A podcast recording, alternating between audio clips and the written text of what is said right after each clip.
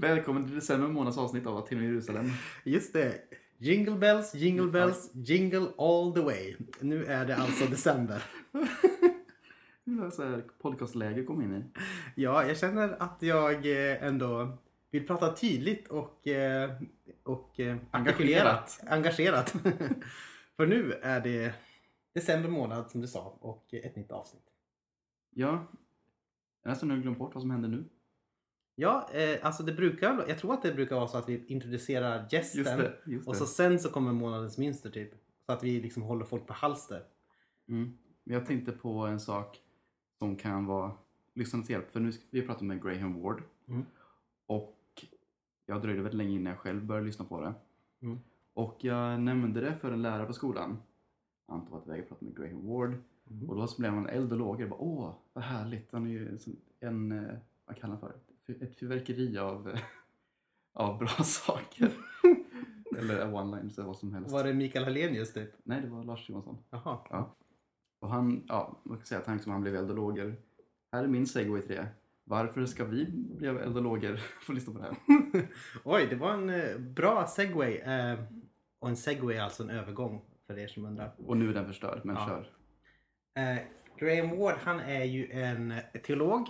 Han är verksam i Oxford i England och där var jag och reste i, i oktober för att hälsa på min syster som eh, bor där för tillfället. Det var ju väldigt lycklig tillfällighet att han ens ville svara på mitt mail då. Men han är ju då alltså en, en professor i, i kontextuell eh, teologi om jag vill minnas rätt.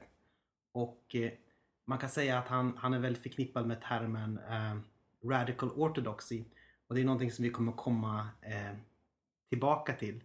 Man kan säga att det handlar väldigt mycket om att på något sätt skriva utifrån en ganska kritisk eh, vinkel mot samtiden och eh, ja, men ganska inte så särskilt mycket skam över att skriva från ett konfessionellt eh, kristet perspektiv utan var ganska eh, ortodox men ganska radical också. Så det är en, ganska intressant så. Och den använder väldigt mycket postmodernism. Typ. Och det här låter ju kanske inte så jättespännande men det är väldigt spännande och han skriver, han har, han har ju som sagt, som Lars Johansson sa, ett fyrverkeri av massor med one-liners och så här och massor och läser väldigt brett, massor med olika filosofer och sådär och han är väldigt eh, han har väldigt sån här rolig, eh, han kopplar ofta an till typ filmer och populärkultur till till exempel eh, här nämner han, i den här så nämner han Fight Club i den här intervjun eh, till exempel och eh, den här Romeo plus Julia filmen som eh, ni kanske kommer ihåg som gjordes av Baz Luhrmann. Precis, så det är lite, därför borde ni bli och lågor. Mm. Tycker jag sålde in det bra. Det håller. Ja, det. Jättebra. Tack. Jättebra. du är så duktig. Ja. Och eh, nu har vi ju vårt eh, fasta inslag, månadens mönster. Ja, Har du, kan- vad har du tänkt kring det? Alltså, på ett sätt, det finns så mycket, oerhört mycket att mynstra över. För man håller på, sen sist vi spelade in så har ju landet eh, som vi råkar bo i, Sverige, eh, sjunkit in i någon sorts eh, eh, politisk, eh, nihilistisk eh, sörja. Där man är, ja alltså där man på något sätt offrar eh, Man överger all Ja. sorts anständighet. Ja, överger en sorts anständighet för att säkra välfärd som det heter. Och, ja, det finns ju otroligt mycket. Men jag, så jag hade tänkt att komma in från en ganska konstig vinkel eh, på det här. Okej. Jag hade tänkt att minstra mot att eh, Folkpartiet eh, bytte namn till Liberalerna. Mhm. Det var ju konstigt. Du väljer den. Ja, precis.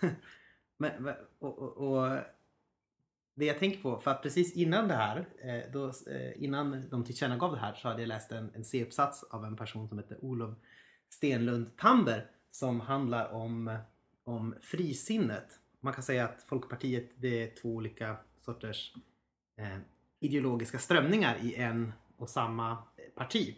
Det finns dels frisinnet och dels liberalismen. Frisinnet kommer mer från så här frikyrklig, eh, de frikyrkliga rörelserna och eh, liberalismen är mer den här klassiska liberalismen som vi alla känner och kanske inte uppskattar eller uppskattar beroende på vad man är lagd åt för håll. Eh,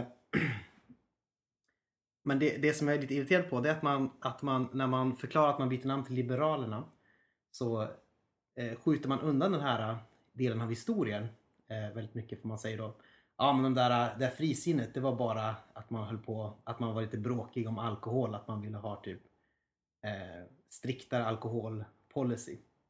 Men om man då kollar på det som jag råkade då göra det här innan frisinnet så är det ett helt annat eh, sätt att, att resonera.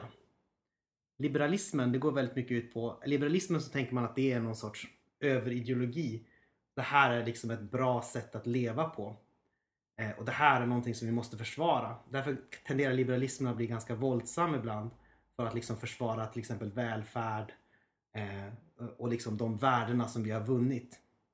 Om man säger frisinnet, det är mer en sån här coexist eh, filosofi som går ut på att, att ja, vi måste, alltså en, en sekulär stat, en, en liberal stat i vissa hänseenden är liksom eh, till för att, att olika grupper ska kunna samexistera eh, och tycka olika. Det är liksom inte så, det finns inte samma sorts tanke på att det finns en ideologi sin, som ska överleva och frodas för sin egen skull. Och det här, den här tenderar till exempel att vara ganska pacifistisk. Så här. Man, säger, man skulle vilja avrusta försvaret. Man ville liksom eh, skrota mycket av sånt. Man eh, var för eh, en hel del sådana ganska intressanta förslag. Och jag tror att det är intressant att man väljer att negligera den här delen av sin historia, Folkpartiet, för att det gör det enklare. Eh, för det här är en ideologi som kanske utmanar också på ett sätt det som håller på att hända i Sverige nu när man eh, stänger gränser och eh, portar flyktingar och sådär. För att man kan, man kan inte ha en ideologi som, som den skulle kunna ifrågasätta eh, den här boxen som vi har blivit satta i och det är bara inom den här ramen vi kan agera. Och så. Eh, och det tror jag väldigt mycket sker alltså att i modern demokrati att eh, alternativa berättelser liksom sållas bort och sådär. Så att nu finns det finns bara ett litet om utrymme som man kan tweaka lite på olika knappar på. Och, så. och då eh, har vi ställs vi inför att det enda alternativet är typ att stänga gränser och eh, skydda oss eller vad det nu är vi håller på att göra. Eh, och egentligen så finns det många andra mer intressanta alternativ som vi glömmer bort. Jag vet inte. Det var min månadens mister. så fint. Lång och ointressant. Som vanligt. Mm. Simon min vän. Ja? Vi har ju en Kickstarter-kampanj. Tell us all about it. Ja, det stämmer. Vi har startat en så kallad Kickstarter-kampanj yes. på kickstarter.com. Yeah. Tänka sig. Och vad det handlar om det är ju en form av eh, gräsrotsfinansiering där man tänker sig att fler ger lite för att stanna upp till mycket. Mm. Och vi startar den här för, först och främst för att vi vill eh, kunna köpa in, eller, köpa in vår egen inspelningsutrustning och sen ja, får vi se hur långt det går ifall vi kanske skulle ha, ha lite medel så att vi kan göra den här podcasten oftare. Mm. Dels vad gäller vårt själva podcastabonnemang då till vår host och ja, kunna vara helt mer rörliga helt enkelt. Så... Annars får vi be till Herren för han är ju the Lord of Hosts. Bra det. det får du klippa bort. Så, så, i pratande stund så är det lite mindre än 30 dagar kvar på den här kampanjen. Det finns en länk till den i avsnittsbeskrivningen och på vår Facebook-sida och Twitter etc. Där om du vill kan gå in och bidra till den här podcasten eh, ekonomiskt. Om du någon gång har haft behållning av den eller gillar det vi gör och vill stötta oss. Så Ens en gnutta glädje. Ja, så är det otroligt välkommet. Vi kan se här, kan ju räkna upp våra olika... ja, våra, man, kan, man kan sätta upp olika nivåer av vad man, man ger här. Mm. Det fick ihop en bra så här, nivå. Så för, för, om, du, om du donerar 10 kronor eller mer så får du vår begränsade tacksamhet. Och för, om du donerar 50 kronor eller mer så får du vår egna tacksamhet. Ooh. Så det är en exponentiell höjning. Ja, absolut. För, för, för lite pengar. Ja, verkligen. Och för om du donerar 100 kronor mer så, kan, så får du ett omnämnande nästa avsnitt. Mm. Om du donerar 150 kronor mer Då, den här, den här kan vara rätt kul tror jag. Då får du önska ett instrument som ligger till i vår jingel. Eh, och det är valfritt huruvida vi eller du själv spelar. Det kan vi nog ordna någonting. Om du, om du skulle vara så pass att du donerar 250 kronor eller mer. Mm. Då får du titeln Aten och Jerusalems skyddshelgon. Woo, den vill jag ha! Yes. Och om det, finns, om det finns någon person som skulle tänka sig att donera 500 kronor eller mer. Då får du medverka i podcasten. Eh, på något sätt. Var med här i vårt före och eftersnack eller någonting. Eh, medieintervjuer i samtalet kanske ifall det är något intressant eller något som vi överlappar i. Eh, och som utlovat på hemsidan eh, så kan det bli ostbåge också. Ostbågar. Eh, yes, som sagt. Det är mindre än en månad kvar. Länken finns hos i beskrivningen. Ta chansen att vara med och bidra ekonomiskt till den här podcasten. För närvarande är det två stycken som har gjort det. Och det finns 127 kronor i potten. Och jag tar det som en personlig skymf att inte fler har gett pengar. Men ja, to be fair, det är inte, jag tror väldigt få vet om att den har funnits än så länge. Ja, kanske. Ja. Men hur som helst, ni ska veta att om ni inte ger pengar så tar jag det som en personlig Okej, skymf. Lugn, lugn Anton, lugn. Eh, Okej, för er som inte har blivit bortskrämda ännu. Eh, här följer nu vårt, eller Antons samtal med Graham Ward.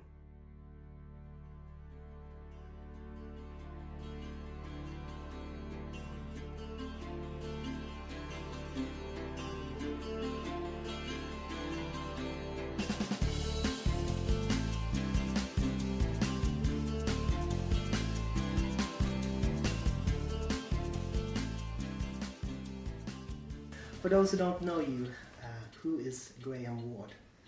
Oh. Start Um, out, out big. Wow, no, that's very big. Um,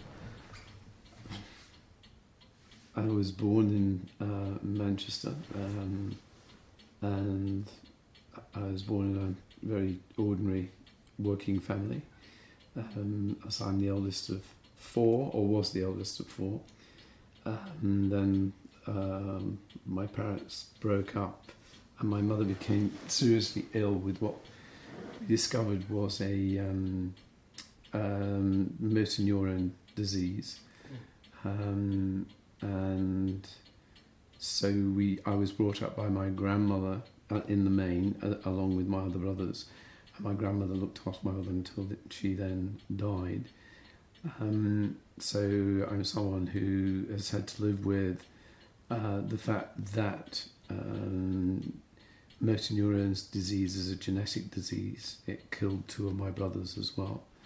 Um, I managed to avoid the genetic malfunction, as probably did my younger brother, though we still don't know about that. Um, I, my grandmother was uh, very keen that um, I had opportunities in education she had not been allowed, and um, so I uh, won a scholarship to Cambridge, and uh, where I read English and French, and then from there kind of moved out. Um, only only later coming to want to actually study theology, came back to be priested within the Church of England, and so had to do theology. And then they kind of made it clear that they thought I was a theologian. Um, so uh, eventually, having done my curacy, I uh, got a job in Oxford as a chaplain and tutor for theology, and then moved to Peterhouse as their dean.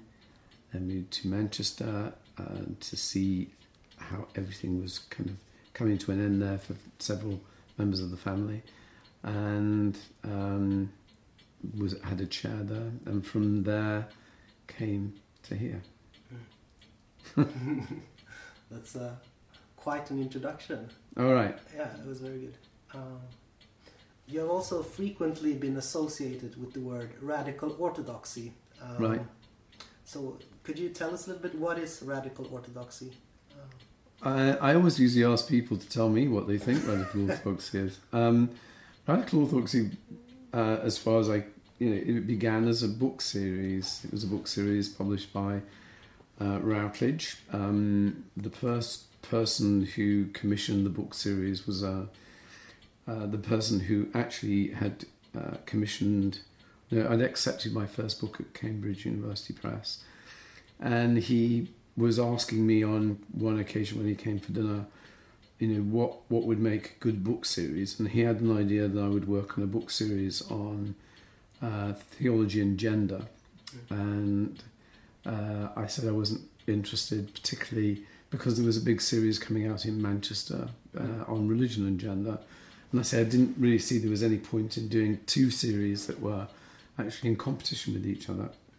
So I did say that I'm really interested in the way there are a number of theologians now wanting to write about the world that they see from a theological uh, viewpoint and not capitulate to a secular uh, viewpoint.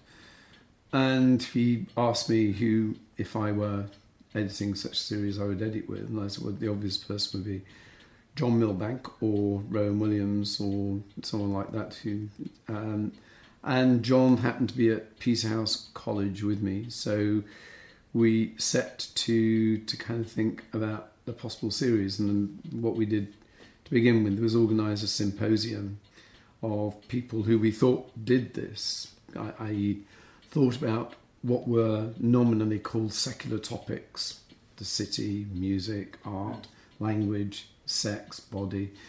Uh, and how do you read these topics theologically? Um, and it was at that point that we had a collection of essays. Uh, Catherine was John's postgraduate student, so uh, we invited Catherine to come and join the discussions at that point. Um, and it had no title this this series, Mm. and um, we were sitting down with the um, editor from Routledge, and he said, "Well, you know, we've got to come up with a title for the series because we want to publish this first collection of essays. Um, so let's bat, uh, bat around a few words, and we kind of batted around a few words, and one of the words that came up was orthodoxy, um, and um, Catherine." As far as I remember, said what John, you mentioned in some work of yours, might have been in theology and social theory, something about a new orthodoxy.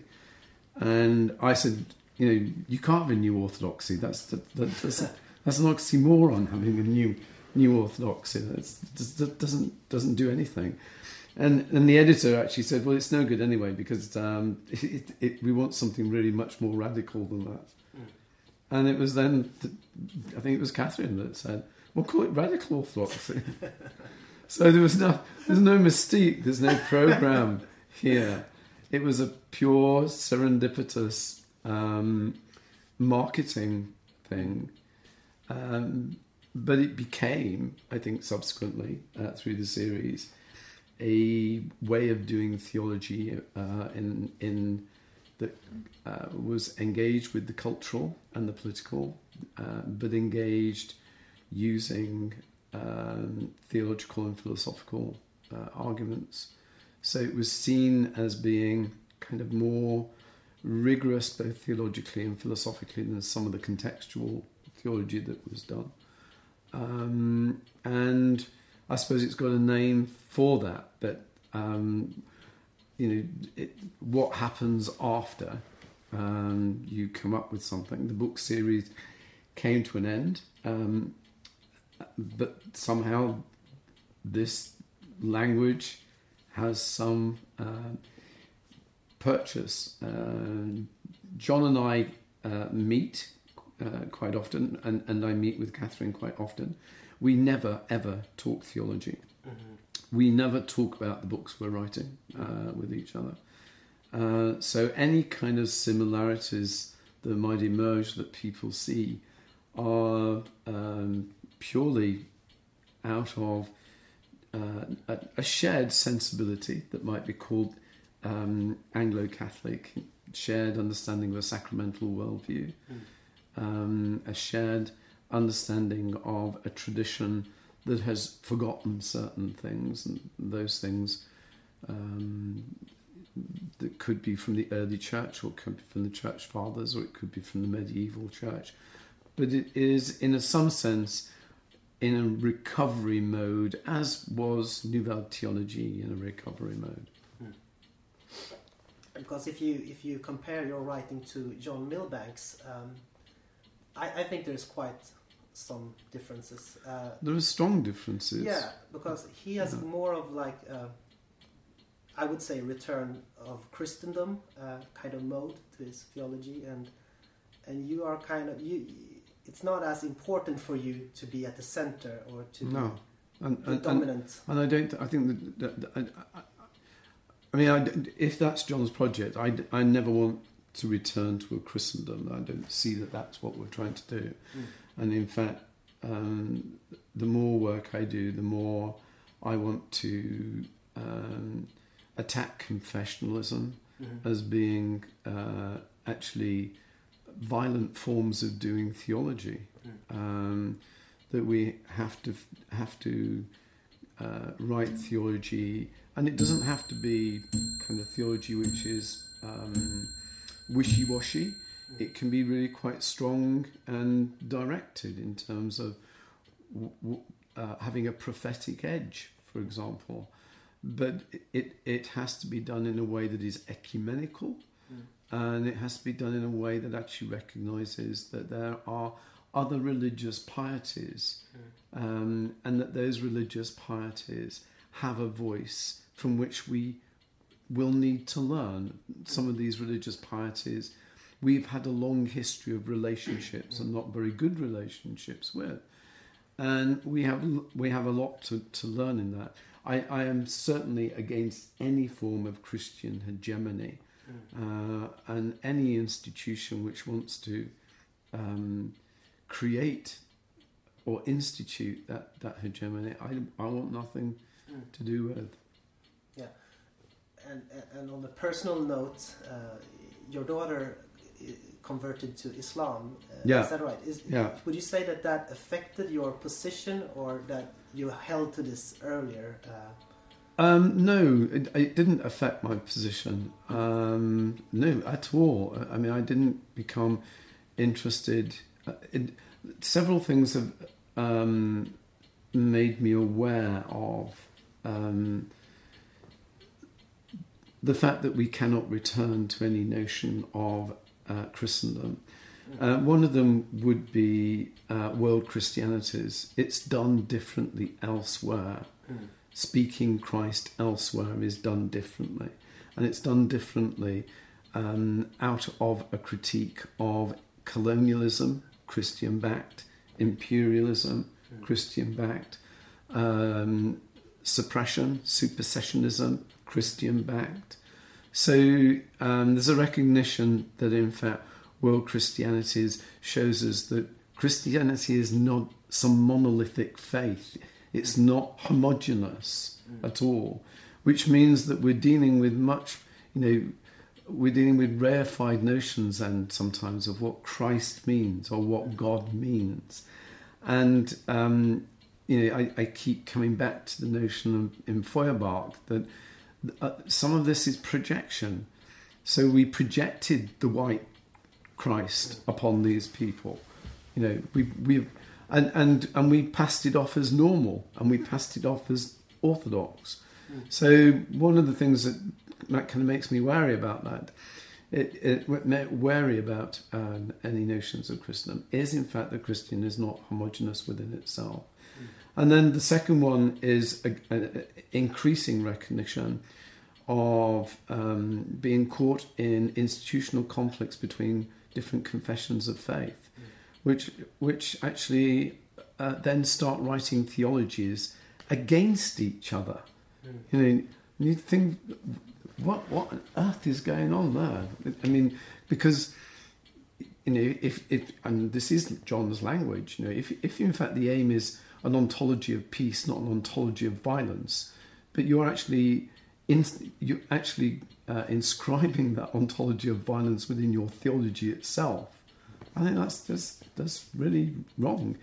So the Muslim and the interfaith. Um, I grew up in uh, Manchester, as I said, I grew up very close uh, to what is now the Hasidic community. It was a very strong Jewish community.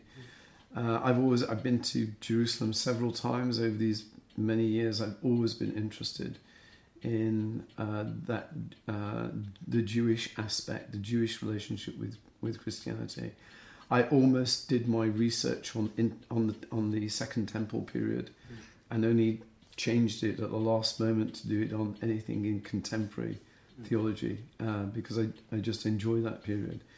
Um, my daughter converting to, to, to Islam was, um, well, first of all, um, she'd already got married. She converted within marriage. She didn't marry Yazid as a Muslim. Um, he was a Muslim, and she had, in fact, two weddings one in uh, the mosque in Cape Town, where they live, and the other back in Cambridge, where she lived before, in the church. So um, at that, and Yazid and his family came to the church, and I went to the mosque, and my family all went to the mosque.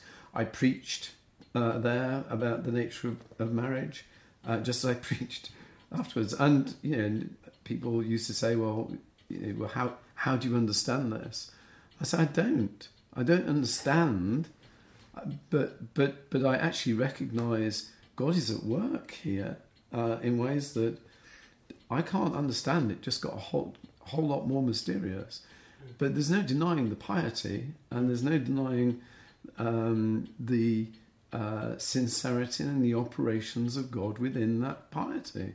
No, no, no, and so, to me, um, you cannot you cannot turn your face from the signs of God just because they don't actually cohere with what you think God should be doing. Um, and it was more that that kind of then led me to thinking, okay, then, then eventually, if I am going to do a systematic presentation of the Christian faith, then I will, which I'm involved in now, then I will have to at some point confront the question of a theology of religions. Mm. Uh, and I don't know how to do that at, at, at this particular point. I kind of hope I will die before I need to, because I really don't know how to do that, and I don't want to do something that's fake. Um, but but it seems to me that you know you see. I'll give you one example. You know, um, in a Muslim household, if they they always tend to cook too much because they give the food away to the to neighbours or to people who will knock at the door in a neighbourhood because they haven't got food. But if they have to throw food away, mm. they have to say a prayer before it goes in the bin mm. to ask for forgiveness for throwing food away. Mm. I think, you know, that to me is, you know, amazing, amazing. And something that, you know, in, in, in a kind of management language, that's a good practice we ought to be transferring elsewhere. So that, there is no doubt to me that there is a strong uh, piety, a strong devotion, and that God is at work there in, in, in a way I don't understand. And some sacramentality, then also, I guess. In... That, that there is a there is a strong. Uh, I mean, I mean, there are some threads that we in certainly in the Protestant Church have lost. Mm. Uh, a deep sense of creation, for example, and you find it in Eastern Orthodoxy. You find it um, also in in Islam. Uh, the notion of paradise and gardens. There's a, a, very it, it doesn't always translate itself into an eco ethic, but then neither does the Eastern Orthodoxy often translate itself into an uh, an, an eco ethic. But in fact, there is a very strong sense of uh, their connection to the world and and seeing God in all things. And I think this connects pretty nicely to this book, uh, True Religion, right. that you barely remember. I barely remember that. but but you do kind of like a, a genealogy of the word uh, word uh, true religion, um, and you show this uh, quite interestingly by placing two um, different incarnations of Romeo and Juliet yeah, yeah. next to each other. Yeah. Uh, what do you find when you do this? well, what I was trying to do was to show, um, first of all, a shift in the way re- religion is played out. Uh, one, putting it back within the Shakespearean context of a, a sacramental society that really was still very close to the land, very close to herbs, and very close to then ideas of uh, influence, stellar influence, in, influence between the, the cosmic and the, the, the, the human. Um, and then to kind of shoot that forward um, to the way Baz Luhrmann plays up the religious elements. Because quite a lot of people kind of don't take a lot of notice of the religious elements within um, Romeo and Juliet. And yet, in Baz Luhrmann's production, they actually are, you know, and, and it's something that actually comes out in Baz Luhrmann's other uh, productions as well. And I think most particularly in Moulin Rouge around Christian. Um, that there is a strong kind of religious element there, but it's a religious element that's kind of parodying and not quite sure where, what it's doing. You know, uh, is it a sincere statement? Is it not a sincere statement? Uh, so I'm interested in the way then that, in fact, one, these the circulation of this discourse is still continuing, which means that secularism simply isn't there in any any kind of sense that we we might have imagined it was there or we were told it was there and that, that and that it's changed, and that, that in fact there is something changed about the nature of religion in that, um, in the way in which it is. Um, yeah, you, you, the worry. There's a worry in Baz Luhrmann's films all the time in, in the Red Curtain films about what's real and what's real in all this. Is it just performance? Is it just theatre? So where does the theatre end and reality begin. And I find that really quite interesting that, in fact, you then uh, pick up a language, but you're not sure how to use this language anymore. Hmm. Yeah, that's really interesting. Uh, another thing, um, you, you tell the signs of the time a lot by, by, by referring to uh, popular culture or uh, broad culture. Um, why is this important to you? Uh, oh, that that is important because um, in in cultural anthropology, if you are looking to see um, something that is actually culturally significant, um, particularly if something is surprising mm. in its cultural significance, then you're looking at what's grabbed attention in a way that surprised people that it, it would grab attention. So it's it's those tend to be then the things that that are popular because uh, you can chart it. You know, we know how many copies of Harry Potter was sold. Um, you know, we know how many people attended um, uh, the funeral of, of Pope Benedict, uh, uh not Pope Benedict, of uh, John Paul II. Um, and we know how many people attended the funeral of Lady uh, of Princess Diana. So we know these things, and these things, each of these things, were culturally just enormously surprising. Nobody expected that kind of reaction. So what you've got here is a cultural event that triggers a far, far wider reaction than was ever, anticip- ever anticipated by anybody. And, and it's, it, it's those events which then, um, you know, in, in terms of cultural anthropology, you know that these events are touching something in some way.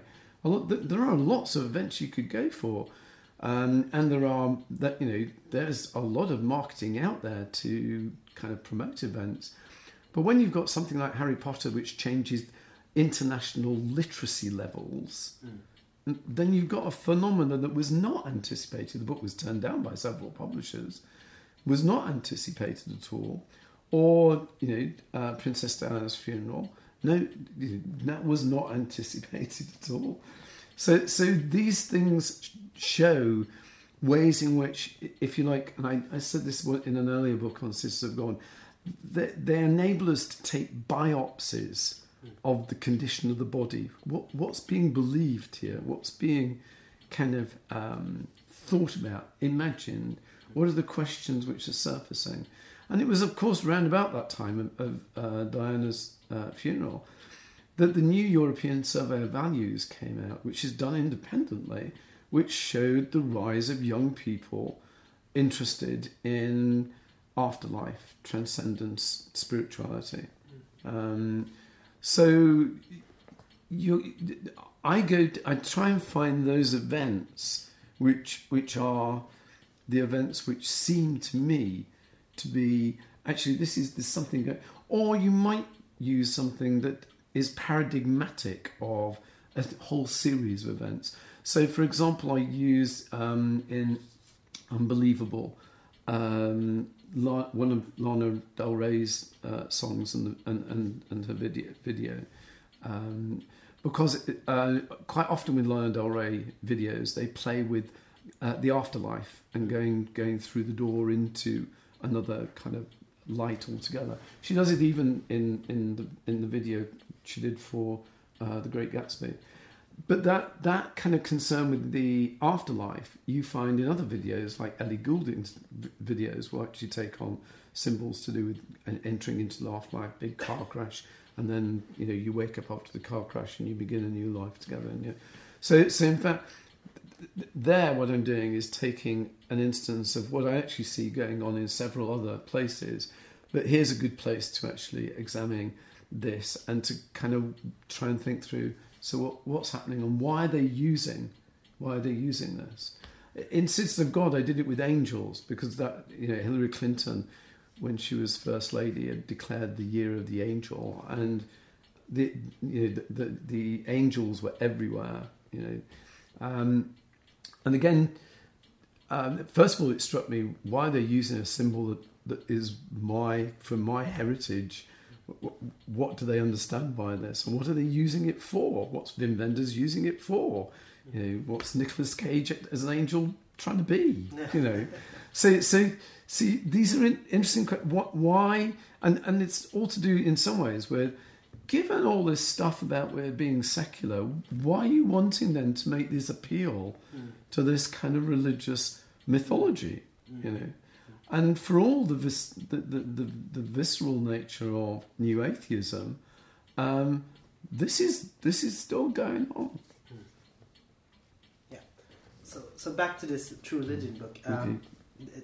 There is a move uh, in it from religion as kind of a dazzling uh, darkness, uh, which always lies lies behind uh, the specific faith tradition. Mm-hmm uh, into a religion as kind of a special effect, which we've been touching yeah. on. Yeah. Uh, could you outline that uh, movement for us a little bit? Uh? Well, and that's that's what I mean, you know, by the Baz Luhrmann. That yeah. you know, that that it, it, it becomes a special effect. It becomes a you know.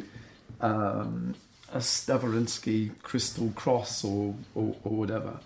Um, and what I'm interested in there is how this mirrors something else, which is the development of what French sociology, uh, Gilles Debord, called the society of the spectacle, and that we've been moving more and more to surfaces and spectacles. Mm-hmm. And uh, yeah, I don't know how it is in Sweden, but uh, t- city centres in Britain now are organising, you know, these events in the middle of the city because they they they will bring in all these people from the outskirts into the city. Why? Because they will therefore spend lots of money doing that. Mm. So they create these kind of spectacular events, ice rinks outside.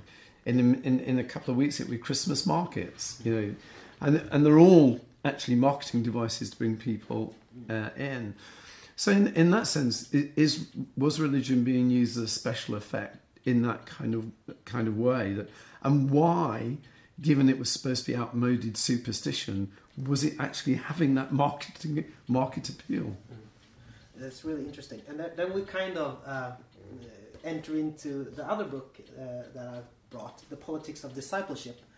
Um, in this, this, you try to fight or uh, describe uh, the hydra of depoliticization, dehumanization, globalization and dematerial, de- dematerialization. I can't say yeah, the, yeah. it's too many D's. uh, and there's a kind of when I read it, it's kind of a, a sense that capitalism tends to um, to turn everything into something liquid, uh, something uh, a source of amusement, a source of marketing. Uh, how does capitalism create this uh, this hydra? This uh. I'd love to know the answer to how it creates this hydra. Uh, I, I feel like then the, the guy in Fight Club that wants to bring it all down.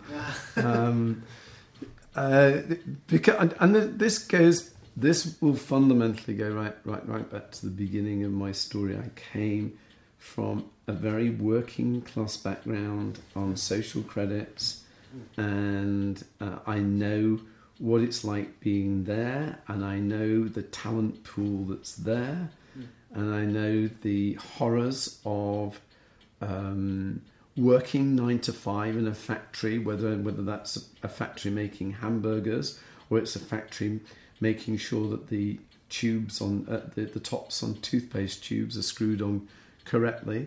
The the the, the soul destroying nature of work that's like that, and you know. Um, I look at what has happened in the developments of um, neoliberal, neoconservative capitalism, um, and I see that you know the dream, the dreams for social equality have got worse and worse, and it's become becoming more and more impossible.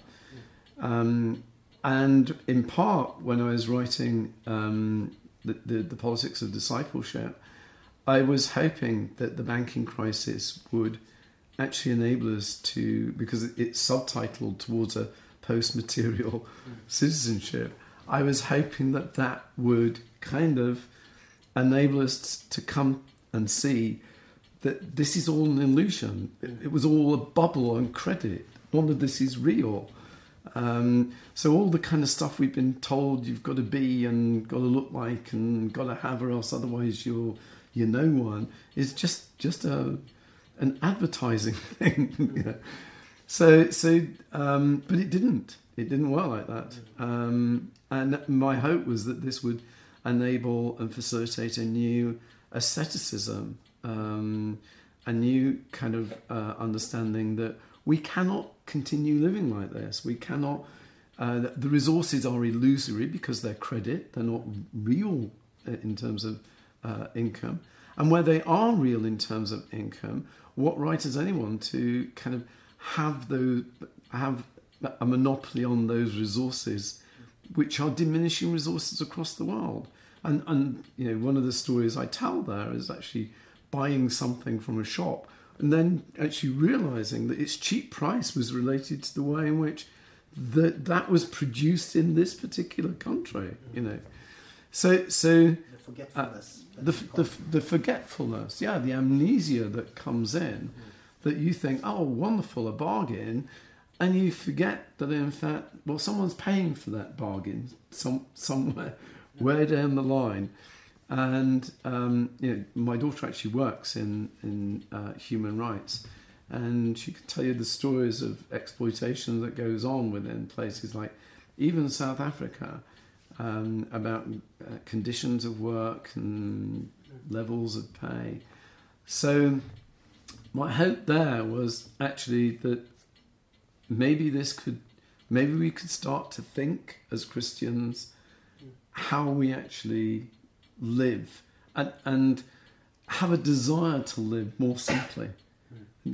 And I think, actually, still think that if collectively we did that, that would send a signal, and and that would, that would be more witness to at least the depth of our commitment to what we believe than than um, you know standing on a street corner handing out tracts with the five ways to actually meet Christ. I mean, far more effective would be that wit- witness that um, this is something I believe in. And that comes back to one of the other kind of aspects of this is the difficulty of uh, consumer culture as its depoliticization. It doesn't makes people not want to do things. You're satisfied. You got food. You got beer. You got. So what are you doing? What, what do you got to complain about? Bread and circuses. Uh, But yeah, yeah, and and you know it, and that's why I ask at the beginning. that This I've got you've got to, there's got to be contestation. This this we cannot just sit down and accept this as something which um, is a natural course of things, and that we simply have to deal with. Yeah, very good. So, um, and in this, uh, you, you try to outline uh, politics of discipleship, and you call prayer one of the most political acts. Yeah.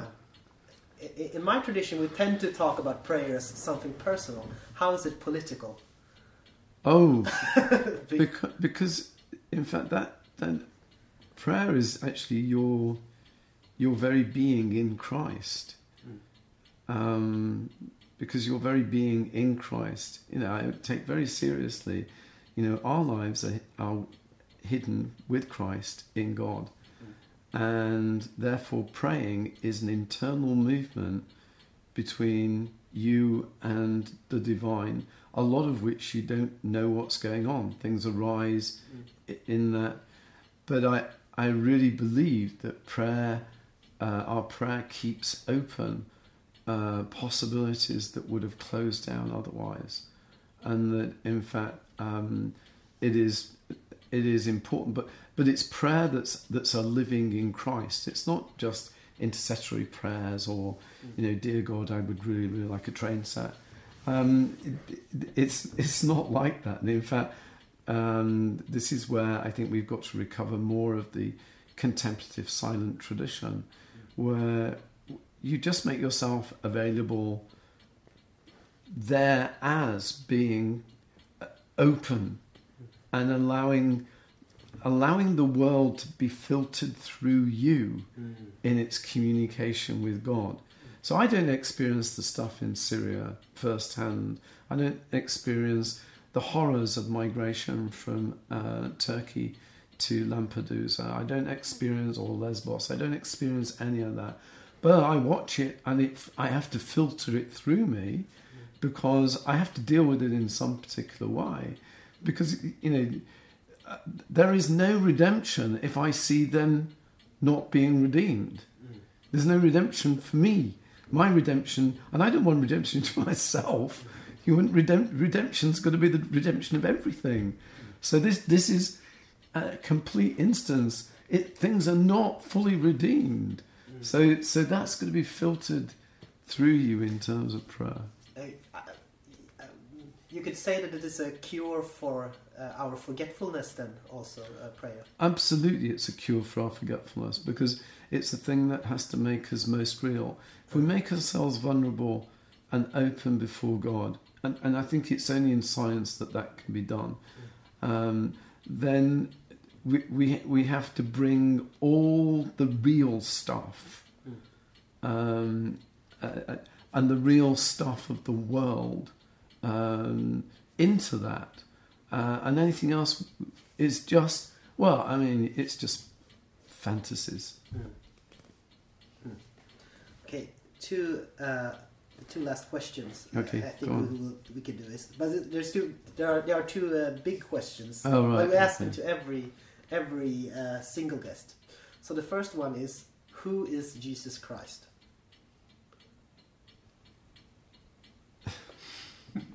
They are big questions. Let, let me approach this from um, a couple of angles. Um, in terms of my own theological understanding, then um, Just, yeah. m- my um, Christology, if you like, is a logos Christology. So we don't understand what Jesus Christ is outside of creation and the cosmos, that all things came to be in and through Christ. Then there is the historical Jesus, and people from Chalcedon onwards have tried to understand, you know, what's going on in terms of the human being and the divine. And no one's come up with an answer. In fact, the Chalcedon uh, formula isn't an answer. It's a series of, well, we can't say this and we can't say that and we can't say this. It, it doesn't say what we can say. Um, so we have a Christ who is whose historical existence is mediated to us through the gospel writers. Uh, we have nothing direct.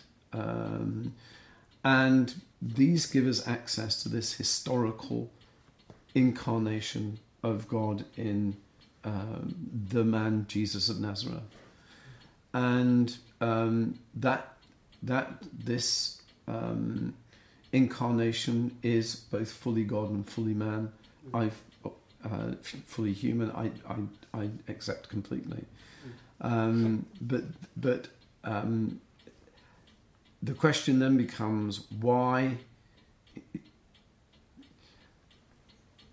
if through him all things were created and brought into being, why then come in that form? I mean, we know now that there are um, various forms of hominids going back to around three million years ago. So why now? Why at this point? Okay, and that that I, I I don't think I can answer that question, but I want to ask that question because it it talks it it emphasizes the scandal.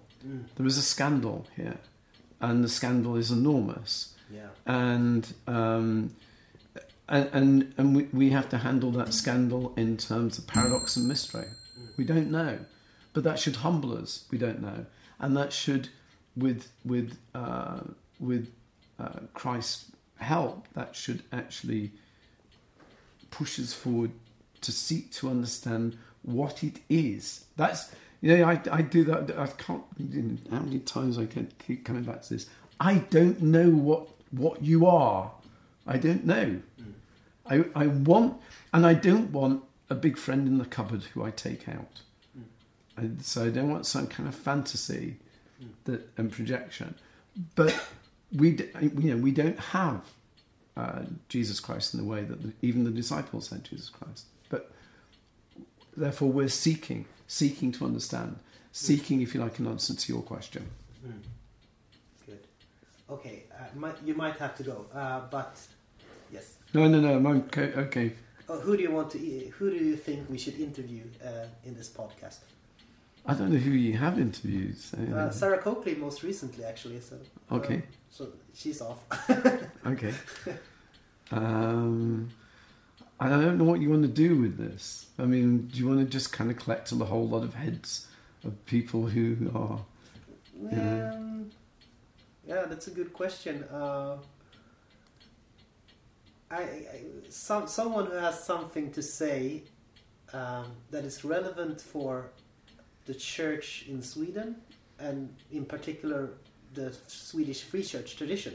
All right. So that's kind of our um, that's our niche. Okay. So have you talked to Werner Jeanrond? no, I don't think so. Okay. Well, Werner Jeanrond was in Lund for a long time. His wife is a Swedish pastor, but she's living here. Um, he's a theologian, Mm. Catholic theologian, um, but married to a Lutheran. Um, and um, he has things to say. And he would have perhaps more insightful things to say about Sweden. I've only been a few times, and Yeah. I just find it expensive. Yeah. yeah well, thank you. A That's whole lot. fine. It was That's great. fine.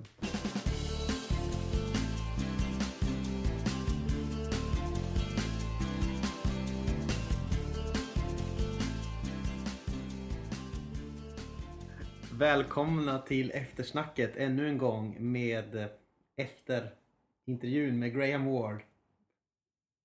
Det här gick ju bra. Alltså onaturligt meningsbyggnad. Ja. Men eh, det här gick ju bra. Ja. Det var väldigt kul att lyssna på. Det är ju... Hoppas ni inte har störts allt för mycket av klockljuden. Ja, det var ju en klocka och jag... Det enda stället jag kunde ställa min inspelningsutrustning var bredvid den här klockan. Så den hörs väl ganska starkt antar jag. Mm. Eh, Men men. Precis. När man pratar med, med den här eh, kära herr professor Ward så slås man ju av att man skulle behöva läsa mer kontinental filosofi. Eller det tänkte jag först på när jag läste hans böcker.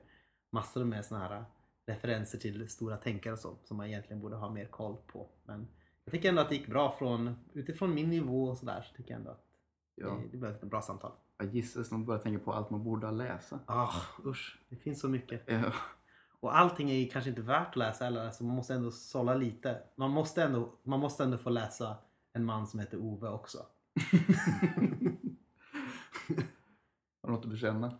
Nej, jag ska börja läsa den. Okej, Ja. kul. Jag tyckte han var kul. Han hade, jag tyckte det var en härligt syrlig... Jag vet man, man skulle kunna läsa det som en liten syrlig kommentar i slutet där. Mhm. I frågan om, eh, om rekommenderade gäster. Ja, Han frågar liksom, vad är du ute efter? Are you just collecting heads? ja, det är ganska lättsyrlig. Ja. Ja, jag tycker det var kul. ja, precis. Och det är ju en bra fråga. Så här, för man kan ju fråga varför ska man eh, prata med Graham Ward som har typ i, väldigt lite koppling till svensk eh, kontext och eh, sådär. Eh, eller det kan man ju fråga sig. Men jag tänker att han är intressant just utifrån det här att han är en av de här eh, som kopplas samman med det här eh, termen radical orthodoxy som faktiskt kan användas av eh, frikyrkan. Om man tänker John Milbank, han är, har ju lite mer svulstiga planer på ett sorts eh, återupprättad kristendom, alltså ett sorts eh, kristen kultur kan man säga Mm. som är ja, jag vet inte om jag ska säga hegemonisk men någonting åt det hållet i alla fall, alltså som är väldigt dominerande. Det, alltså som man kan säga att man vinner en sorts kulturstrid och för fram ett bättre alternativ än den moderna liberala demokratin. Och sådär. Utan en mer då kristlig, social, dimensionell eh, samhällssyn. Och han är ju inte så intresserad av det, Graham Ward, utan han är mer intresserad av det här just att det som jag pratade om innan eh, vi började den här intervjun med, alltså att olika grupper ska kunna samexistera. Att man ska kunna liksom vara en dissident och tycka annorlunda och ändå liksom samexistera inom samma sfär. Alltså ett betydligt mer eh, sorts frikyrklig ingång till, eh, till samhällsfrågor och sådär. Så därför tänker jag att han också är en teolog som kan eh, och en teolog av den här radical orthodoxy eh, termen som är lite lös eh, som kan användas i en svensk frikyrklig kontext på ett ganska fördelaktigt sätt, tänker jag. Var det rimligt? Ja, ja mycket rimligt. Ja. Jag är med dig. Vi är det till slutet. Har vi något mer att säga om det? Eh, ja, alltså det finns väl ganska mycket att, att säga men eh, jag tycker att eh, jag kan ju berätta lite anekdoter om inte annat. Okej, ta några anekdot. någon anekdot. Ja, någon anekdot. Eh, jo, nej. det var... Nu, nu, nu jag kommer klippa in lite så här brasljud. Ja, precis. En, en, anekdoten var ju då att jag skulle åka hit. Först hade jag tänkt att vara en vecka i Oxford och hälsa på min syster som gör ett eh, sorts praktik i en kyrka. Mm. Eh, men sen så eh, blev det orealistiskt så det blev mer en helg. Mm. Eh, och då hade jag frågat honom, skulle du kunna kunna, kan du den här helgen? Han bara, ja alltså det är väldigt tight men jag kanske kan klämma in dig på fredagen och eh, den, här, den här tiden. Jag bara, eh, då, då landade jag liksom på förmiddagen och det här var på eftermiddagen. Så tänkte jag så här, ja men det kanske är rimligt. Så här. Jag kollade lite så och så tänkte jag, ja men det, jag kommer nog hinna. Men då hade jag kollat på alltså, hur snabbt det går att köra bil eh, framförallt. Jag hade liksom, det var ett misslyckande från min sida. Och, så- där, och, du, och du hade väl ingen bil? Nej, jag hade ingen bil. Utan jag, du ska gå? nej, ta alltså buss? jag skulle åka... Jag, först hade jag tänkt antingen buss eller, eller tåg då. Okej. Och det blev tåg eh, till slut genom London då. Och det tar ganska lång tid att åka genom London och sen eh, från, från Paddington till Oxford. Mm. Och jag bara liksom det här. Och så, sen så när jag kollade på det här. Alltså det är ju med nöd och näppe jag kommer kunna, kunna hinna fram. Så jag bara. Alltså skulle vi kunna skjuta på det i typ 20 minuter?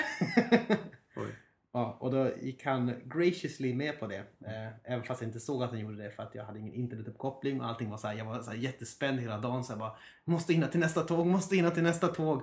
Eh, eh, med den här skitnödiga rösten som jag just hade. Och eh, i alla fall. Så, så, och jag, jag tänkte, jag satt där på tåget och hade lite ångest och bara, det kommer aldrig gå, jag kommer aldrig hinna, det kommer inte fungera. Men sen så när jag, kom, när jag väl klev på Oxford, då bara det här tåget tar 50 minuter till Oxford. Bara, jag kommer precis hinna, jag kommer, bara komma, jag kommer komma 20 över, jag kanske kommer bli 5 minuter sen, det är jättenära. Så då började jag triumferande liksom nästan dansa med mina, eh, mina, mina armar, så här, sittdansa eh, på tåget. Men, eh, men hur som helst, när jag kom fram så var det i alla fall så, ja, då var man tvungen att ta en taxi och så var det jättemycket trafik och sen så kom jag ändå typ en kvart sent. Eh, sen så skulle jag gå in på det här området och bara Sorry! Eh, det var en liten vakt som stoppade mig och sa Sorry, this is only for students. Jag bara, But I have an appointment! ja, och så till slut med lite omvägar så kunde jag komma in där och han var ändå inte alltför arg. Men sen så blev det problem med internet så det tog ännu lång tid. Jag kunde inte få tag på intervjufrågorna så då satt jag bara Hehehe, Do you have a password perhaps? Mr Ward. Och det blev mycket problem så slut fick jag låna hans dator för att kunna kolla på mina egna frågor. Så kanske den syrliga kommentaren har sitt ursprung i det här problemet. Men det gick ändå bra. Han hade, tog sig tid för det. Så det var... Ja, alltså, alltså de här engelska teologerna de är så nådefulla mot mig. Jag vet inte hur jag ska kunna återgälda det här. Jag känner mig så dålig ofta. Men det gick ju bra. Det gick bra. Och här är vi nu. Ja, det, men hur som helst. Eh, det här är Graham Ward. Eh, bra teolog. Lite svårläst ibland. Särskilt den här Politics of Discipleship. Skulle jag inte rekommendera för vem som helst. True Religion är lite mer lättläst. Så den skulle jag kunna föredra. Eh, eller rekommendera. Och eh, det finns en hel del. Han är rolig. Det finns mycket så här lite kamp, kampkänsla och lite syrlighet och väldigt roliga kulturella analyser. Till exempel om, om liksom begreppet stad eh, och liksom vad det är som formar en stad. Att det finns ett sorts maktvakuum i dess centrum som formar oss som människor. Som är väldigt intressant men som jag inte hann prata med honom om. För att han var tvungen att gå och läsa Evensong. Som är tydligen en sån här sorts avslutande gudstjänst på en dag. Eh, Apropå hasta vidare. ja, Jag tycker jag avrundar nu. För vi ska ju iväg och se Star Wars-filmen nu. just det. Och god jul! Ja, för all del. Och ett gott nytt år. Vad ska man göra för någonting? För att hjälpa oss? Oj, ja. ja men, eh, gilla oss på Facebook, följ oss på Twitter. Eh, och kanske framförallt, kolla gärna in vår Kickstarter-kampanj och fundera på ifall du skulle vilja eh, bidra ekonomiskt till podcasten. Många bäckar små bildar en stor å. Och med de orden säger vi tack för i år och god jul.